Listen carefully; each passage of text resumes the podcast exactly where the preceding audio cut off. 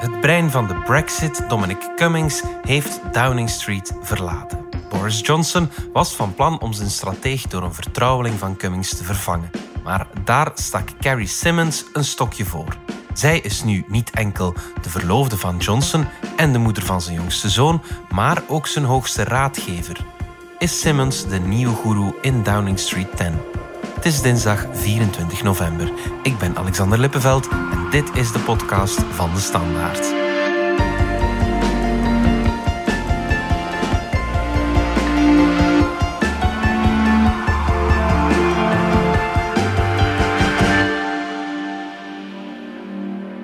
Dominique Minten van onze buitenlandredactie. Sinds vorige week gaat haar naam druk over de tongen. Maar wie is Carrie Simmons eigenlijk? Wel, Carrie Simmons is sinds 2018 de verloofde van Boris Johnson. Good evening, it's Boris and Carrie here. Hello. Uh, zij is voorbestemd om zijn derde vrouw te worden, want Boris heeft wel meerdere vrouwen gehad. Ja, ze hebben ook samen een zoontje. We are proud parents to our sweet baby boy. Dus eigenlijk, uh, Carrie is op dit moment eigenlijk vooral daarmee bezig. Ze is ja. vooral huismoeder en een jonge, jonge moeder. Ja. Voor Boris Johnson is Wilfred zijn zesde kind ondertussen. Ja. Dus hij heeft de vier kinderen van uh, zijn vorige vrouw, Marina Wheeler. Okay. En dan is er minstens één buitenrechtelijk kind waarvan iedereen het bestaan vanaf weet. Ja. Maar er wordt ook gezegd dat uh, Boris Johnson dat er misschien nog wel meerdere buitenrechtelijke kinderen rondlopen. Oké. Okay. Simmons was toen zijn relatie begon met, met Boris nog directeur communicatie van de conservatieve partij. Ja. Dus zij zat wel heel diep in die partij. Hoewel ze nog altijd maar 32 is, Mhm. was zij toch al tien jaar actief in de conservatieve partij. Ja. Zij heeft altijd in de communicatiefuncties gewerkt. Mhm. Maar zij had daar heel goede relaties en heel goede contacten in die partij. Dus zij was niet zomaar iemand. Ze heeft ook op kabinetten van ministers gewerkt. Dus zij kent de conservatieve partij door en door. Opvallend, ze komt uit een eerder progressieve Absoluut. familie van journalisten. Hè? Absoluut. Dus haar vader, Matthew, is een van de stichters van The Independent. De krant die in de jaren, begin jaren tachtig, dacht ik, is opgericht in uh, Groot-Brittannië. En die eigenlijk een, echt een links-liberale krant was. Ja. Ook haar grootouders. Dus haar grootvader zat in het parlement, het lagerhuis voor de Labour-partij. En hij was een tijdje ook hoofdredacteur van de Daily Herald. Dat was zo de officiële krant, die bestaat niet meer, maar dat was de officiële krant van de Labour-partij. En haar grootmoeder werkte voor de BBC. Dus Ja. allemaal... Uh, eerder progressieve instellingen. En dus de gegoede Londense progressieve bourgeoisie, daar komt ze eigenlijk uit. Ze heeft nu al een tijdje een relatie met Boris Johnson, is dus ook zijn verloofde. Hoe vult zij haar rol als ja, First Lady van het Verenigd Koninkrijk in? Wel, aanvankelijk zat ze duidelijk op de achtergrond. Mhm. Toen ze in het nieuws kwam, was het eerder met roddels. Ja. Toen Boris Johnson dus in een, in een campagne zat om de leider te worden van, van de conservatieve partij, om dus Theresa May op te volgen. Maar Theresa had, heeft in mei vorig jaar haar ontslag aangeboden. Toen was hij een van die kandidaten om haar op te volgen. En in die maanden dat, dat die strijd bezig was om het, op het leiderschap van de partij, kwam het verhaal naar buiten dat de, de politie bij hem thuis was moeten afstappen omdat er een uh, ruzie was gemeld. Mhm. Een hoogoplopende ruzie, werd daar met, met vaatwerk gesmeten, uh, ging het verhaal. Ja. En dat was dus een ruzie die tussen dan Carrie Simmons en Boris ging. Ja. Dus zo is ze dan in, meer in het nieuws gekomen. Ja. Maar beleidsma het is niet zo dat zij constant mee op campagne... Alhoewel, zij hielp in die campagne van Boris, toen hij dus leider van de partij wilde worden, Ja. heeft zij hem wel gesteund. Maar het is niet dat zij, toen hij premier werd, dat zij echt op de voorgrond trad. Dat Nee, ze, steunde hem achter de schermen. Achter de schermen, Vanuit haar rol van communicatiedirecteur heb je wel wat invloed. Inderdaad, Ja. zij voelt heel goed aan wat werkt en wat niet werkt. Van haar wordt gezegd dat zij Boris kan stimuleren in zijn enthousiasme. Ja. Wa- Waardoor hij ook de verkiezingen heeft gewonnen Ja. in Groot-Brittannië. Dat zij daar verantwoordelijk voor is. Zij is in staat om hem te enthousiasmeren. Ja, wat is in het Verenigd Koninkrijk de traditie? Die first ladies of first husbands, treden die vaak op de voorgrond of blijven die eerder in de schaduw? Meestal blijven ze mee in de schaduw. Ja. Maar dat lukt niet altijd. Op de een of andere manier duiken ze dan toch altijd op in, in, in de media, in, in de tabloids. Ja. Dus van eh, Tony Blair, zijn vrouw Cherry, was bijvoorbeeld bekend dat zij heel diep gelovig was. En dat zij op die manier ook wel een invloed had op het beleid van, van of op het gedachtegoed van Tony Blair. Zelf ook een, een gelovig man. Het speelde wel mee in, in af en toe in zijn politieke beslissingen. Bij David Cameron was het minder duidelijk. Eh, zijn vrouw Samantha bleef nog meer op de achtergrond. Als zij dan in de media kwam, zijn familie, dat was meer over de, zijn zoontje Ivan, dat eigenlijk jong gestorven is, een okay. gehandicapt kind. En daar werd zij dan wel bij betrokken, dat, dat soort verhalen. Ja. En dan bij Theresa May was het dan meneer May. Die trad wel meer op de voorgrond. Die trad steeds meer op als, steun en toeverlaat van, van Theresa May. De Theresa die Toen zij aftrad, stond zij ook eh, aan haar zijde. Zij, stond hij aan haar zijde. Hij was echt een, haar steunpilaar. Ja. I am today announcing that I will resign as leader of the Conservative and Unionist Party so that a successor can be chosen. I will shortly leave the job that it has been the honour of my life to hold. The second female Prime Minister, but certainly not the last. I do so with no ill will, but with enormous and enduring gratitude to have had the opportunity to serve the country I love. Dat was Theresa May in 2019 toen ze haar ontslag aankondigde. Niet veel later werd ze dan opgevolgd door Boris Johnson. Carrie Simmons woont uiteraard nu samen met Boris Johnson in Downing Street 10, de ambtswoning van de premier. Hoe probeert ze daar nu haar invloed te doen gelden? Wel, dat is eigenlijk vorige week heel erg duidelijk geworden met het ontslag van Dominic Cummings. Are you going to resign, Mr. Cummings? En Lee Kane, zijn communicatiedirecteur. What do you think about the way Mr. Kane's been treated by Boris Johnson in Downing Street? De voorbije dagen zijn er zo reconstructies gepubliceerd, vooral in de Times en de, de Sunday Times, over hoe dat, dat gegaan is. En wat bleek is dat er was eigenlijk een plan om Lee Kane, de communicatiedirecteur, mm te benoemen tot stafchef van Downing Street 10. Ja. Dus om hem te bevorderen tot stafchef. De belangrijkste functie binnen het kabinet van binnen Johnson. Binnen het kabinet van Johnson. En dat was eigenlijk een plantje dat Cummings en Kane samen hadden opgezet. Okay. En uh, dat hadden gepresenteerd aan Johnson. En Johnson zag dat wel zitten. Mm -hmm. Maar toen hij daarover begon te spreken met, met Carrie, met, met zijn vrouw, uh, of met zijn verloofde moet ik zeggen, mm -hmm. toen is zij beginnen zeggen dat dat een slecht idee was. Het was al langer duidelijk dat zij het niet zo zag zitten met Cummings. Cummings is een, is een heel polariserende figuur in het kabinet. Ja. Hij is de harde brexiteer, hij is de man die op de identitaire politiek uh, de, de, nadruk legt. En dat wil ze eigenlijk niet. Mm -hmm. En die Lee Kane, de rechterhand van Cummings, zit ook op, helemaal op die lijn van identitaire, harde brexit. En daar had Simmons problemen mee. Ja niet dat zij tegen de brexit is, integendeel, zij, is ook, zij heeft altijd gestemd voor de brexit, ja. maar zij wil, zij wil de conservatieve partij meer naar het midden sturen, naar een, meer, een partij die meer sociaal bewogen is. Ja, die, weg van dat identitaire. Weg van dat identitaire. Ja. En toen zij hoorde dat Kane de stafchef zou worden, dan dacht ze, dit is echt geen goed idee, dit, dit moet ik uh, tegenhouden. Okay. Er zijn ook blijkbaar uh, sms'en tot haar gekomen die... Uh, Cummings had gestuurd over Carrie Simmons. Cummings is een macho. Kane is ook, zijn twee macho-figuren. Ja. En zij, zij keken een beetje neer op die Simmons. Ja, twee macho's die praten over een, een jonge vrouw van 32 ik kan er mij wel iets bij voorstellen. Ja, inderdaad. En, en, Boris heeft, dan, heeft dat ook gezien. En heeft, van Johnson wordt altijd gezegd dat hij moeilijk beslissingen kan nemen. Ja, En Cummings heeft daar geen problemen mee. Die neemt de ene harde beslissing na de andere.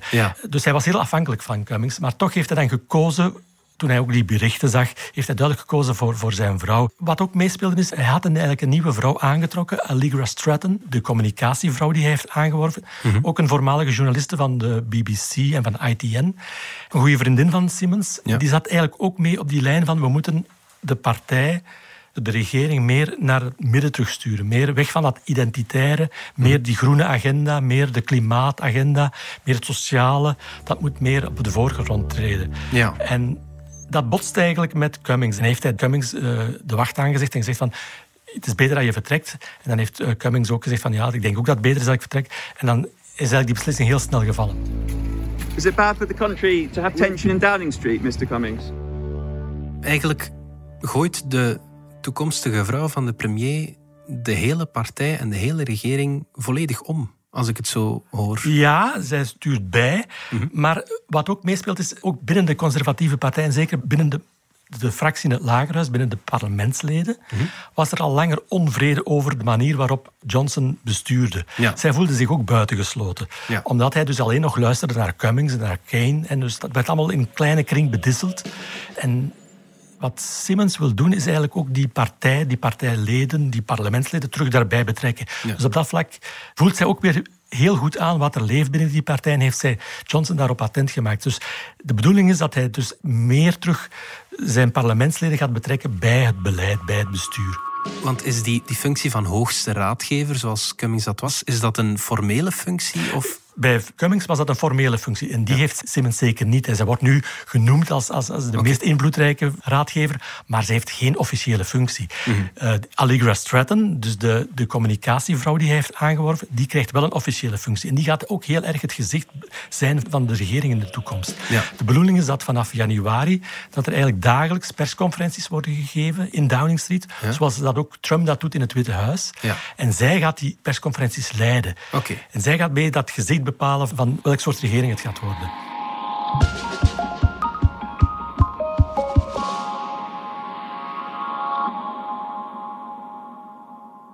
De Brexit die moet de komende weken eigenlijk in een definitieve plooi vallen. Op 31 december eindigt de overgangsperiode en moet er een akkoord zijn over de toekomstige relaties van het eh, Verenigd Koninkrijk met de EU.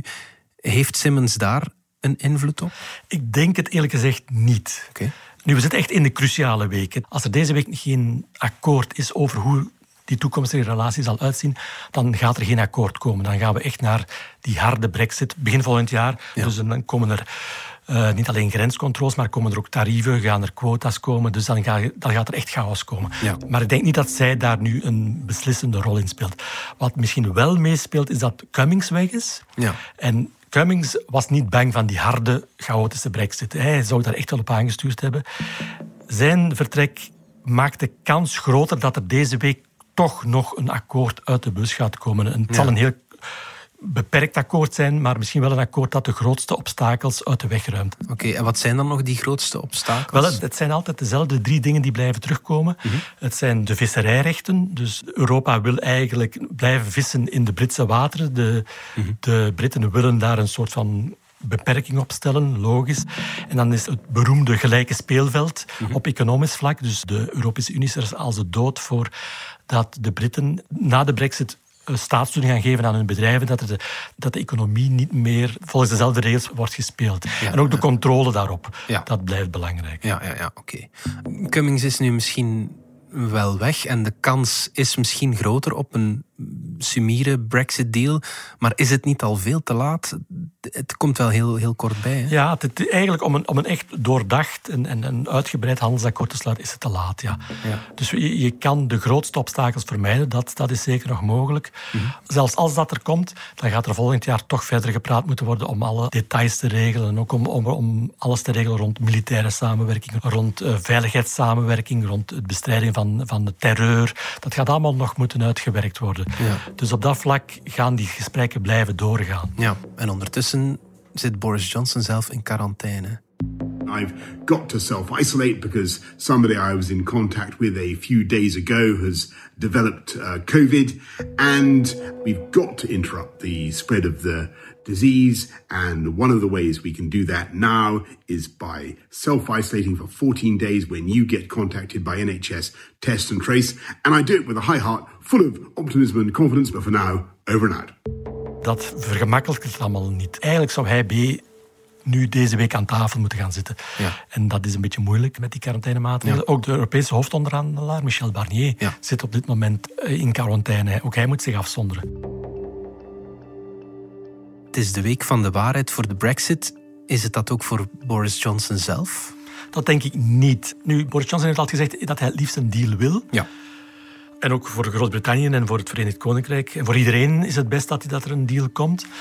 Als die er niet komt, denk ik niet dat hij daar meteen op afgerekend wordt. Mhm. Dus binnen die partij zijn er nog altijd genoeg mensen die denken van we gaan het wel redden, ook met een harde brexit, we zullen wel zien. Ja. Dus nee, op dat vlak, zijn lot hangt niet af van de deal die er al of niet komt.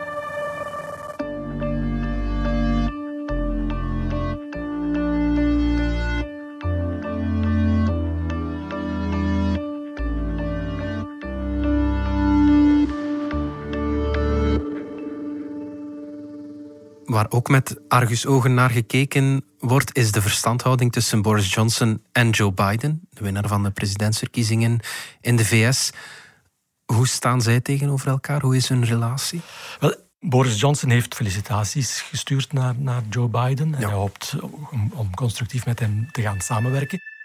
One of the many uh, merits of the excellent conversation I had yesterday with uh, President elect Joe Biden uh, was that we were strongly agreed on the need to, for the, once again for the, the, United Kingdom and the United States uh, to, to stand together, to stick up for our values around the world, to stick up for human rights, to stick up for global free trade, to stick up for NATO, uh, Mr. Speaker, and to work together in the fight against uh, climate change, Mr. Speaker. And it was, it was refreshing, uh, I may say, uh, to have that conversation. I look forward to many more.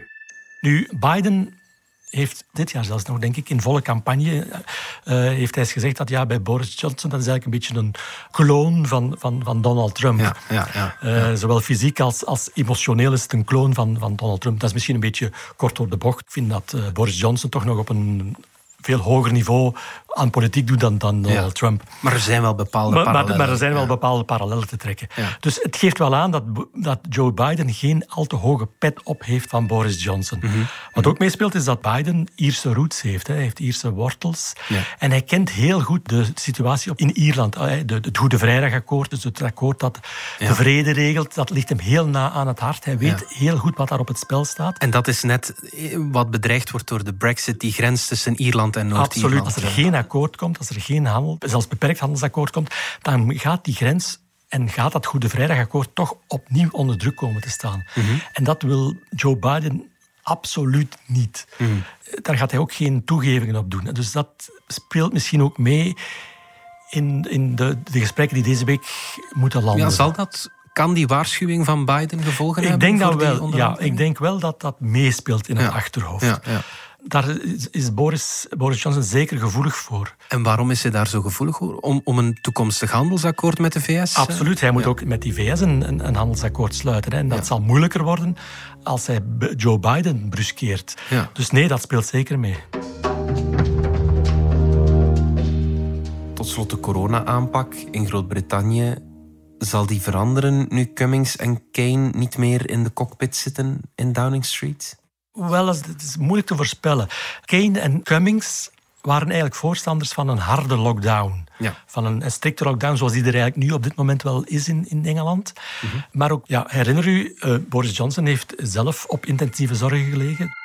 Hi folks, I want to bring you up to speed with something that's happening today, which is that I've developed mild symptoms of the coronavirus. That's to say, a temperature and a, a, persistent cough. And on the advice of the chief medical officer, I've taken a test that has come out positive. Als hij toen echt in coma was gegaan, was de kans dat hij zou sterven, werd, uh, werd ernstig genomen. Ja, dat speelt ja. nog altijd mee in het beleid dat hij nu voert. Ja. Hij wil dat eigenlijk wel goed in de hand houden. Daar botst hij wel mee met een deel van zijn, van zijn parlementsleden. Mhm. Die zijn daar eigenlijk sceptisch over. Die willen eigenlijk liever die harde lockdown een beetje versoepelen opnieuw, omdat dat economisch zo, zo zware gevolgen heeft. Mhm. Of dat met, met het vertrek van Cummings en Kane of dat Johnson zal aanzetten tot een, soepeler beleid, ik weet het niet. Ja, ja, ja. oké, okay, goed. Dominique Minten, dankjewel. Graag gedaan. Dit was de podcast van De Standaard. Bedankt voor het luisteren. Reageren kan via podcast.standaard.be. Alle credits vind je op standaard.be-podcast. Morgen zijn we opnieuw.